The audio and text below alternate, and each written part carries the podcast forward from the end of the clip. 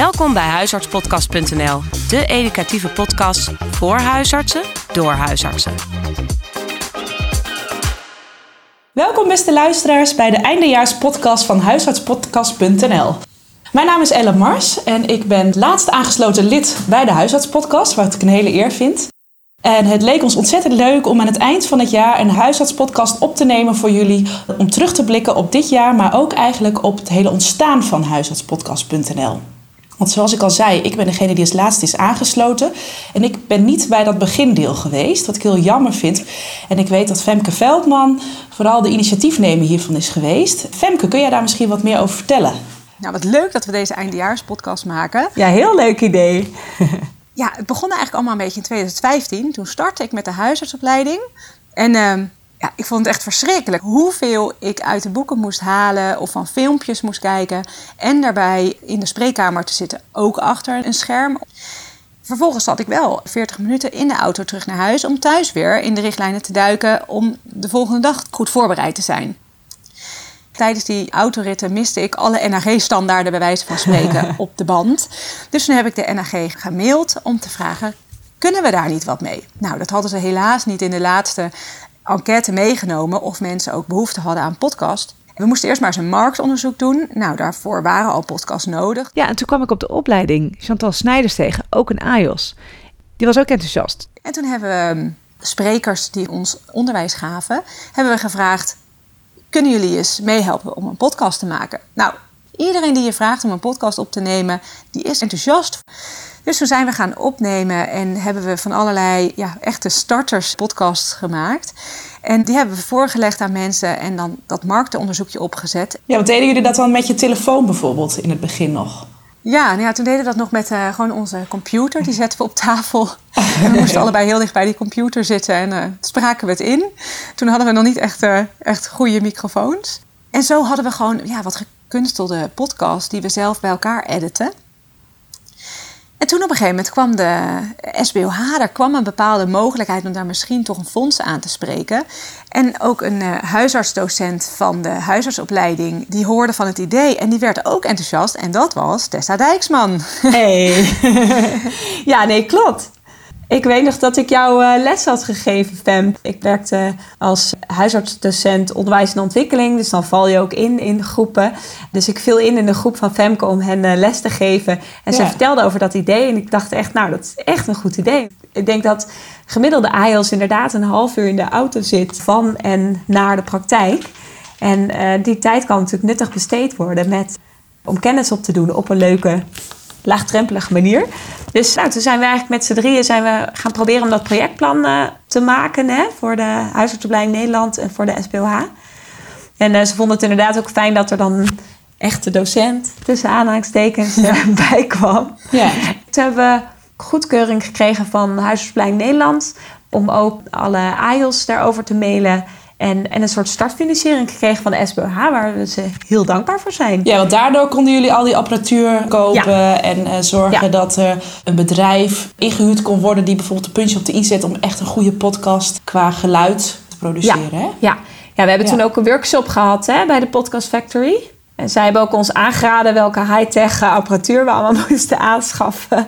En ondertussen was ook uh, nog een ander lid uh, die had zich aangemeld. En dat was Lynn Dobrowolski. Die is helaas nu er niet bij, maar die zal aan het eind nog even aanschuiven. Die vond het leuk om mee te doen. Dus toen waren we met vier man sterk. Ja. Iedereen had een setje opnameapparatuur en we konden allemaal op pad. Ja. Ja, en toen is het eigenlijk daarna ook vrij snel volgens mij in een vogelvlucht gekomen. Hè? Want toen kwam ook H&W om de hoek kijken. Nou, dit stukje voor die vogelvlucht, dat duurde erg lang. Okay. dat, dat was dus 2015. En uh, dat is dus echt, nou ja, stapje voor stapje gaan totdat we in 2019, dat het huisarts en wetenschap vroeg van, joh, kunnen jullie dat doen? Ik kan me nog herinneren, een vergadering in, ik denk, oktober. Het gaat gebeuren. En die eerste podcast die we ook echt voor hun neergezet moesten hebben, dat was november. Oh ja. Dus we moesten ineens heel snel moest het allemaal wel rondgebreden worden. Ja, dus dat was een heel lang pilot traject, hè? En ja. Toen, uh, ja. Dat was wel een spannende periode, denk ik, of niet? Zo, die, uh, die eerste podcast voor HNW. Ja, maar het was ook wel echt een boost voor uh, Huisarts Podcast. Omdat je, uh, de HNW betaalt ons om die HNW-podcast op te nemen. Waardoor je uh, er ook echt tijd voor vrijmaakt. Daarvoor was het nog meer een beetje een hobby. Ja. En toen werd het echt werk. Het werd professioneler uh, in één keer, of. Ja, ja. ja. Ja, en met die professionaliteit kwam ook wel echt een, een deadline. Ja. ja. En, um, en toen werd het ook ineens, uh, moest je ook in de volle vaart iets echt klaar hebben. Ja. En als dan iets niet correct was en het moest nog een stukje aangepast worden, kan ik me nog herinneren dat ik op een avond een stukje van uh, het GHB-verhaal, dat was toch met een bepaald soort ruis zat er achteraf in. Dus toen moest dat stukje weer overnieuw gedaan worden. Nou, ik kan me nog herinneren dat ik naar boven rende om dat stukje op te nemen. En, en daar zat ik en ik heb het een aantal keer ingesproken. En uh, dat hoor je ook achteraf, alsof ik een soort van marathon gelopen heb. En toen begon ik aan het stukje. Heigend. Uh. maar op dat moment uh, was me dat niet eens opgevallen. Het stond, het stond erop. Het was gelukkig al inhoudelijk goed. Ja.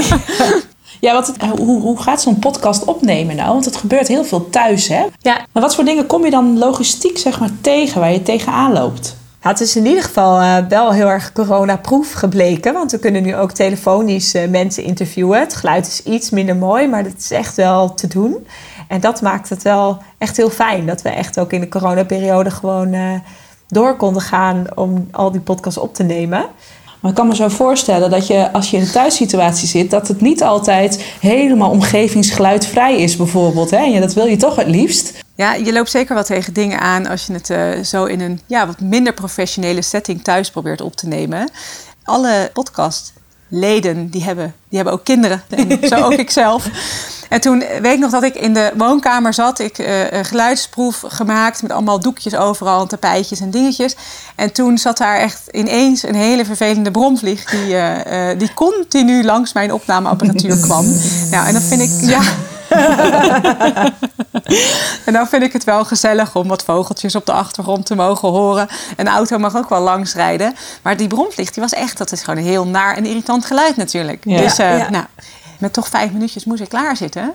Dus uh, ik ren naar boven, twee kinderen uit hun stapelbed uh, gehaald, in ons eigen bed gelegd. Want dat is dan de op na beste geluidsproevenkamer. Gordijnen dichten, nou, die zaten natuurlijk al dicht. En uh, met alle dekens die daar liggen, was dat een goed dempende ruimte. Nou, de kinderen sliepen gelukkig door, want dat moet je dan ook maar net hebben. En toen kon ik daar net snel... Uh, met een Oh, rustige ademhaling goed. de podcast opnemen. Dus moest je je slapende kinderen echt uit bed uh, tillen. Oh. Ja, zeker. Ja, ja. Er zit zelfs ja, bijdrage van de kinderen van. van Femke Veldman in onze podcast. Dat is toch gaaf. Oh, iedereen moet meehelpen, Ja. ja. Nee, en vervolgens ging die podcast, die ging toen over kinkhoest. Over een kindje wat daar ineens ja, heel benauwd en eigenlijk bijna in een soort van ja, eh, acute situatie bij de huisartspraktijk neer werd gelegd. En dat was dus ook ineens een hele, ja, best wel chockerende podcast Ja. om te bespreken. En eh, zo moet je ineens van bromvlieg naar acute kindercasus. Oh, dat was die podcast. Ja, jeetje. Ja. Ja.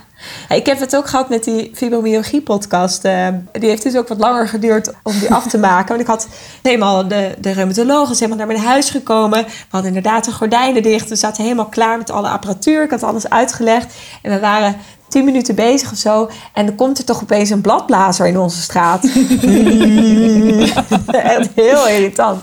Dus heb, ik heb uiteindelijk nog een heel stukje eruit geknipt. Wat, wat je niet heel erg mist. Waar die bladblazer op staat. En nu is het toch wel goed geworden. Maar we moesten echt zo... Oké, we horen hem niet. Kom, we nemen nog een stukje op. Ja, Ja, precies. En Ja. wij hebben ook wel eens gehad met de nieuwsitems opnemen. Hè, dat er dan net zo'n oprisping of zo uit je maag een beetje omhoog komt. Dan hoop je dat dat ja. niet hoorbaar is. Want dat is ook zoiets. Dat is die... Hè? Hey, Nou, en dan vragen wij de Podcast Factory om al die oprispingen van de elf eruit te Precies. Hey, maar ondertussen zijn er al superveel podcasts opgenomen, zowel voor de HNW als ook voor huisartspodcast.nl. Eh, ik weet eigenlijk totaal niet zo hoeveel, maar ik zat gisteren even op de site te kijken en eh, dat is eigenlijk bij mij dan niet meer bij te houden. Superveel informatie. Kun je eens iets vertellen over wat je tegenkomt, nou ja, wanneer je er wat aan had aan die podcast? Ja, nou, ik heb het laatste jaar vooral de nieuwsitems opgenomen ook. Het zijn die korte stukjes die ook in HNW staan. Nou, ik moet heel eerlijk zeggen voor de podcast dat ik wel eens eh, schuldbewust naar mijn stapel HNW's keek wat ik nog moest lezen. En nu word je natuurlijk gedwongen om dat te lezen. En dan denk je ook, oh, er staan echt veel interessante dingen in. Dan zeg ik weer, nee, dat was laatst in een onderzoek uit, uh, uit de Lancet uh, dit en dit, dit gekomen. Dat zoveel procent daar last van had. maar ja, dat komt natuurlijk omdat ik en die nieuws uit ben voorbereid. eh, Vijf keer opnieuw op ingesproken. En ook nog heb geëdit. Dus ik heb het ongeveer tien keer gehoord. Dus dan blijft het wel hangen. Ja, precies. Ja. Dan lijk ik net zo'n uh, bolleboos, ja. En jij, Ja. Femke? Ja, ik moet zeggen dat ik met heel veel eh, onderwerpen, dat je er zo lekker ehm in komt met het voorbereiden en opnemen en editen, waarbij je eh, ja, nog wel drie keer door de hele inhoud heen gaat. Ja. Dat je bijvoorbeeld ja, claudicatio of antidepressiva, Ja. ja, dat is heel leuk om daar zo in te duiken.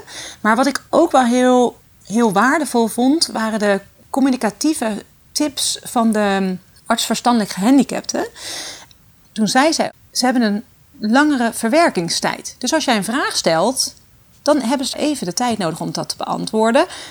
En je hebt al snel de neiging zelf om die ruimte ertussenin meteen op te vullen met een volgende vraag. Of te verduidelijken van die ene vraag. Maar dat hoeft niet. Je hebt de vraag gesteld, ze moeten het verwerken. Ze gaan erop terugkomen, maar geef ze even de ruimte.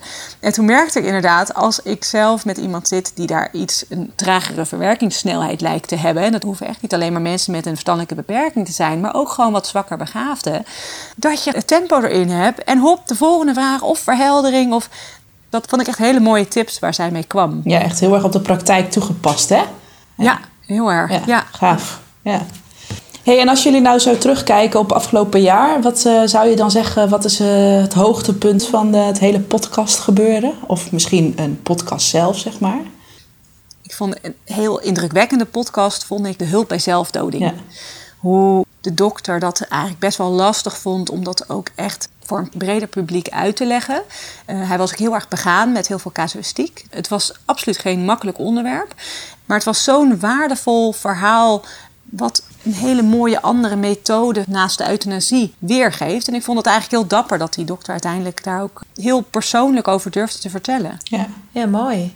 Ja, Ik denk ook dat als ik kijk wat nou hoogtepunten zijn, dan is het toch dat je met een collega, nou in dit geval waren het ook twee collega huisartsen, ook wat dieper ingaat over wat het vak nou voor je betekent. Dus ik vond bijvoorbeeld het interview dat ik heb gedaan met Peter Leusink over, over tijdsbehandeling door de huisarts. Op een andere manier kwamen we er ook op wat nou je vak inhoud geeft en wat de speciale momenten zijn bij mensen. Dus bijvoorbeeld palliatieve zorg, maar misschien ook wel zo'n overtijdsbehandeling. En met Rinske van der Goor, dus praktijkhoudend huisarts, over hoe zij de huisartsenzorg ziet in 2030. Echt leuk om daar even van gedachten van te wisselen. En wat iemand mooi vindt aan het huisartsenvak. En Ja. waarom ze deze baan zo graag doen. Dat vond ik heel ja. waardevol om dat met hen te bespreken. Ja, dus, Ja. dus eigenlijk hierin ook niet zozeer alleen het medisch inhoudelijke, maar juist ook waarom de meeste, denk ik, van ons ook voor het huisartsenvak kiezen, is die, die persoonlijke touch eraan en die, eh, die verdieping. Ja, dat zeg je mooi, Ja. Ellen. Dus zo hoor ik het eh, althans terug. Gaaf. Ja, Ja. gaaf. Ja. Leuk. Nou ja, mijn hoogtepunt was dat ik überhaupt mag aansluiten. Dus eh, dat was mijn Natuurlijk. hoogtepunt van dit We jaar. zijn heel blij dat je erbij bent. Het is heel jammer dat Chantal Snijders inderdaad Ja. andere bezigheden zocht. Maar Ellen Mars, wat super fijn. Jij ook als eh, eerder huisartsdocent, dat jij eh, de taak van Chantal Snijders kon overnemen. Ja, ja zo, en wat Tessa ook zei, zo hou je ook affiniteit met het onderwijs, wat er toch wel eh, wat in mijn hart zit, zeg maar, toch wel. Dus dat Ja, is wel, ja, heel- dat is wel echt heel gaaf dat dat kan. Ja, ja. Op eh, persoonlijk vlak vond ik een podcast over een klacht in de huisartspraktijk. Dat had ik opgenomen met Roland Vrielen op het Nivel.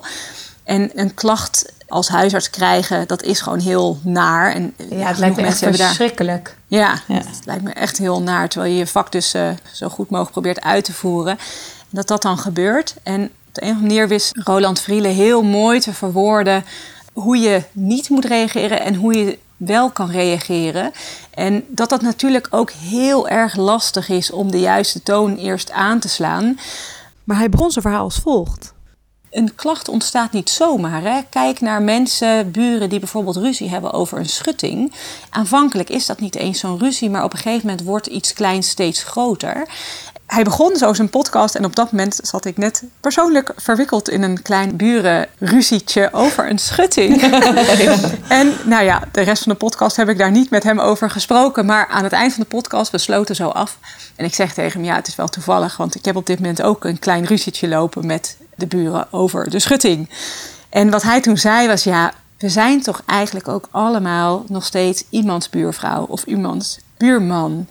Het is gewoon zo'n menselijk vak. Ik vond dat hij dat heel mooi verwoordde, hoe je, hoe je ook op een hele mooie manier met een klacht om kan gaan. En na deze podcast kon ik niet anders. Ik heb de buren opgezocht en toen was het probleem ook direct opgelost. Mooi. Ja. Ik, het lijkt mij echt ook nog heel mooi om een keer een podcast over te nemen. Wat er nou gebeurt als je een klacht krijgt. Welke stappen je moet ondernemen.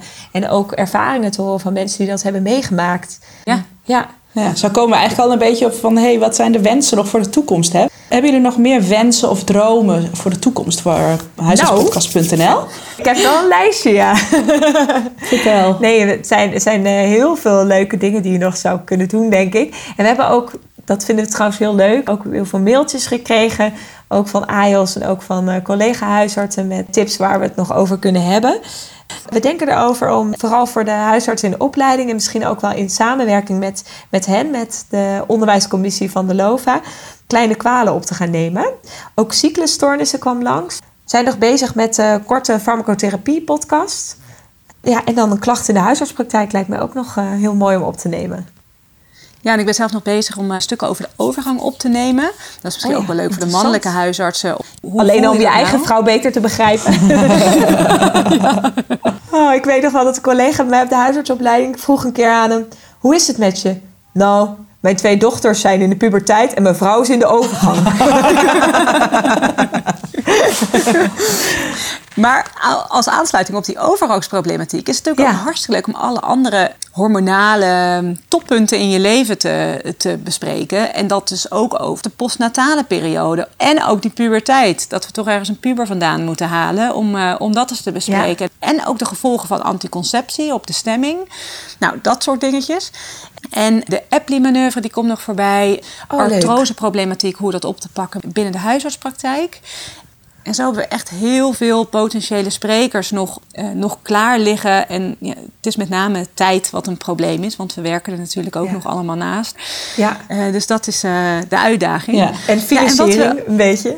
Ja, financiering is ook een uitdaging. Hey, en wat natuurlijk nou ook nog heel leuk zou zijn, en dat, dat willen we ook eh, bij deze starten, is dat we heel graag van jullie horen wat jullie voor leuke onderwerpen hebben of leuke spreker. Maar dat jullie ook een vraag kunnen stellen. En dat zouden we leuk vinden als jullie dat doen via een WhatsApp-nummer. Het is leuk om dan even een vraag in te spreken, zodat we dat dus ook op de band mee kunnen nemen en die vraag kunnen beantwoorden met een professional. Ja. Dus stuur ons een voice memo en dan Ja. eh, kom je in de uitzending. Nou, intussen is Lin ook aangeschoven. Hoi Lin. Hey Lin. Hey jongens, hallo. Hallo, leuk dat je er ook bent. Heb jij nog leuke anekdotes of podcastopnames die je bij zijn gebleven afgelopen jaar? Ja, zeker. Natuurlijk is elke podcast gewoon heel leuk om te maken. Met name omdat je altijd wel te maken hebt met hele enthousiaste mensen. En ik denk eigenlijk altijd wel, jeetje, de, de meeste mensen doen dit gewoon naast hun baan. Ja, heel bevlogen En- zijn al die mensen ook, hè? Ja, ja, en dat steekt aan. En ik hoop natuurlijk dat je dat in een podcast ook kan eh terughoren. Ja, ik leer altijd het meeste van mensen die gewoon enthousiast en ja, gewoon met een soort passie kunnen vertellen over dat kleine stukje wat zij interessant vinden. De, degene die ik interviewde over ingeslikte batterijen bij kinderen. Nou, dat is natuurlijk zo'n niche, maar ja, ze was gewoon zo enthousiast. Nou, ook een andere huisarts die over eh, een heel zeldzame aandoening, de intermitterende torsiotestis, vertelde. Ja, dat, hè, dat onderzoek heeft hij gewoon naast zijn huisartsenvak uitgezocht. En dat ja, vind ik gewoon mooi. Je wil dan Ja. bijna zo'n intermitterende torsiotestis op je spreekuur krijgen. Terwijl natuurlijk Nou, ik had dus een jongen. Nou, ik had dus een jongen. En ik bel. Ik, ik, en die jongen was al een aantal keren geweest. Ik was als waarnemer eh, aan het werk. En die jongen was al een paar keer bij zijn eigen huisarts geweest. En ik was aan het luisteren. Nou, en ik dacht nog maar een keer urine stikken. En het was al een keer gekweekt. Er kwam helemaal niks uit. Nou, uiteindelijk dacht ik, nou, dit moet er een zijn. Dus ik belde de uroloog. En ik zei, nou, ik denk aan een intermitterende torsiotestis. Nou, toen kreeg ik een telefoontje terug. Nee hoor, nee, dat was toch echt niet. ja. nou, ik was enigszins soort van teleurgesteld ergens dat ik het niet had eh, eh, gevangen. En ook nog hè? eventjes over die bromvlieg van, eh, van Femke. Ik had ook nog wel, op een gegeven moment hadden we een discussie over ja, waar, hè, waar is de akoestiek nou het beste om me thuis op te nemen. En uh, nou ja, Femke had ook een keer een soort hut gemaakt met een deken, geloof ik. Dus ik ben ook een keer in de kelder gaan zitten met een deken over me heen. En zat ik daar in een soort tent op te nemen bij een van de nieuwsberichten samen met Tessa. Toen, nou ja, toen we dat ook via de telefoon opnamen. En toen, nota bene, zat er een eend in de sloot achter ons huis. Nou ja, dat was natuurlijk ook weer... nou ja, dat soort dingen. Nou, volgens mij hebben we een hele mooie compilatie, zo in ieder geval van het ontstaan van huisartspodcast.nl en ook van afgelopen jaar. Zijn er nog dingen die jullie niet hebben gezegd die je nog heel graag kwijt wil? Nou ja, wat me wel verbaasde is dat we maken deze podcast voor huisartsen door huisartsen. En dat is ook echt de doelgroep. Maar je had een podcast opgenomen, Femke, over het artikel onnodige vitaminebepalingen door de huisarts. En dat we daar echt ook mailtjes van kregen van patiënten die daar blijkbaar op gegoogeld hadden. En dan kom je tot het besef dat het wel natuurlijk allemaal open source is en dat alles te vinden is. Nou, dat dat wel. Uh, dat, je dat, dat je dat wel in je achterhoofd moet meenemen. Zeg ja, want maar. toen hebben we ook Ja. die podcast-titel weer veranderd van onnodige vitaminebepalingen in laboratoriumbepalingen, wel of niet? En toen was het schijnbaar weer Ja, minder ja. googlebaar, want toen werd het rustig. Ja. Mensen die op vitamines googelen, die vonden ons nee, niet meer. nee, nee, laboratoriumbepalingen Nee. waren ze niet in geïnteresseerd. nee, nee. nee. Ja, en Ja. zo leren we eigenlijk elke keer bij. Hè? Ja. Ja, zeker. En dat wilde ik eigenlijk ook nog zeggen. Als jullie nou feedback hebben of zeggen dit moet beter... of het zou leuk zijn als je het zo, zo aanpakt in je podcast... mail of app ons gerust of stuur een voice memo. Want we leren daar graag weer van. Oké, nou ja, voor alle luisteraars eh, bedankt. En een heel goed 2021 gewenst alvast. En ontzettend bedankt voor het luisteren naar de podcast afgelopen jaar. Gelukkig, gelukkig jaar. nou, en hopelijk coronavrij. Dat we elkaar maar weer meer mogen knuffelen in 2021. Tot volgend jaar. Tot volgend jaar. Doeg! Bedankt voor het luisteren. Bekijk ook onze website op huisartspodcast.nl.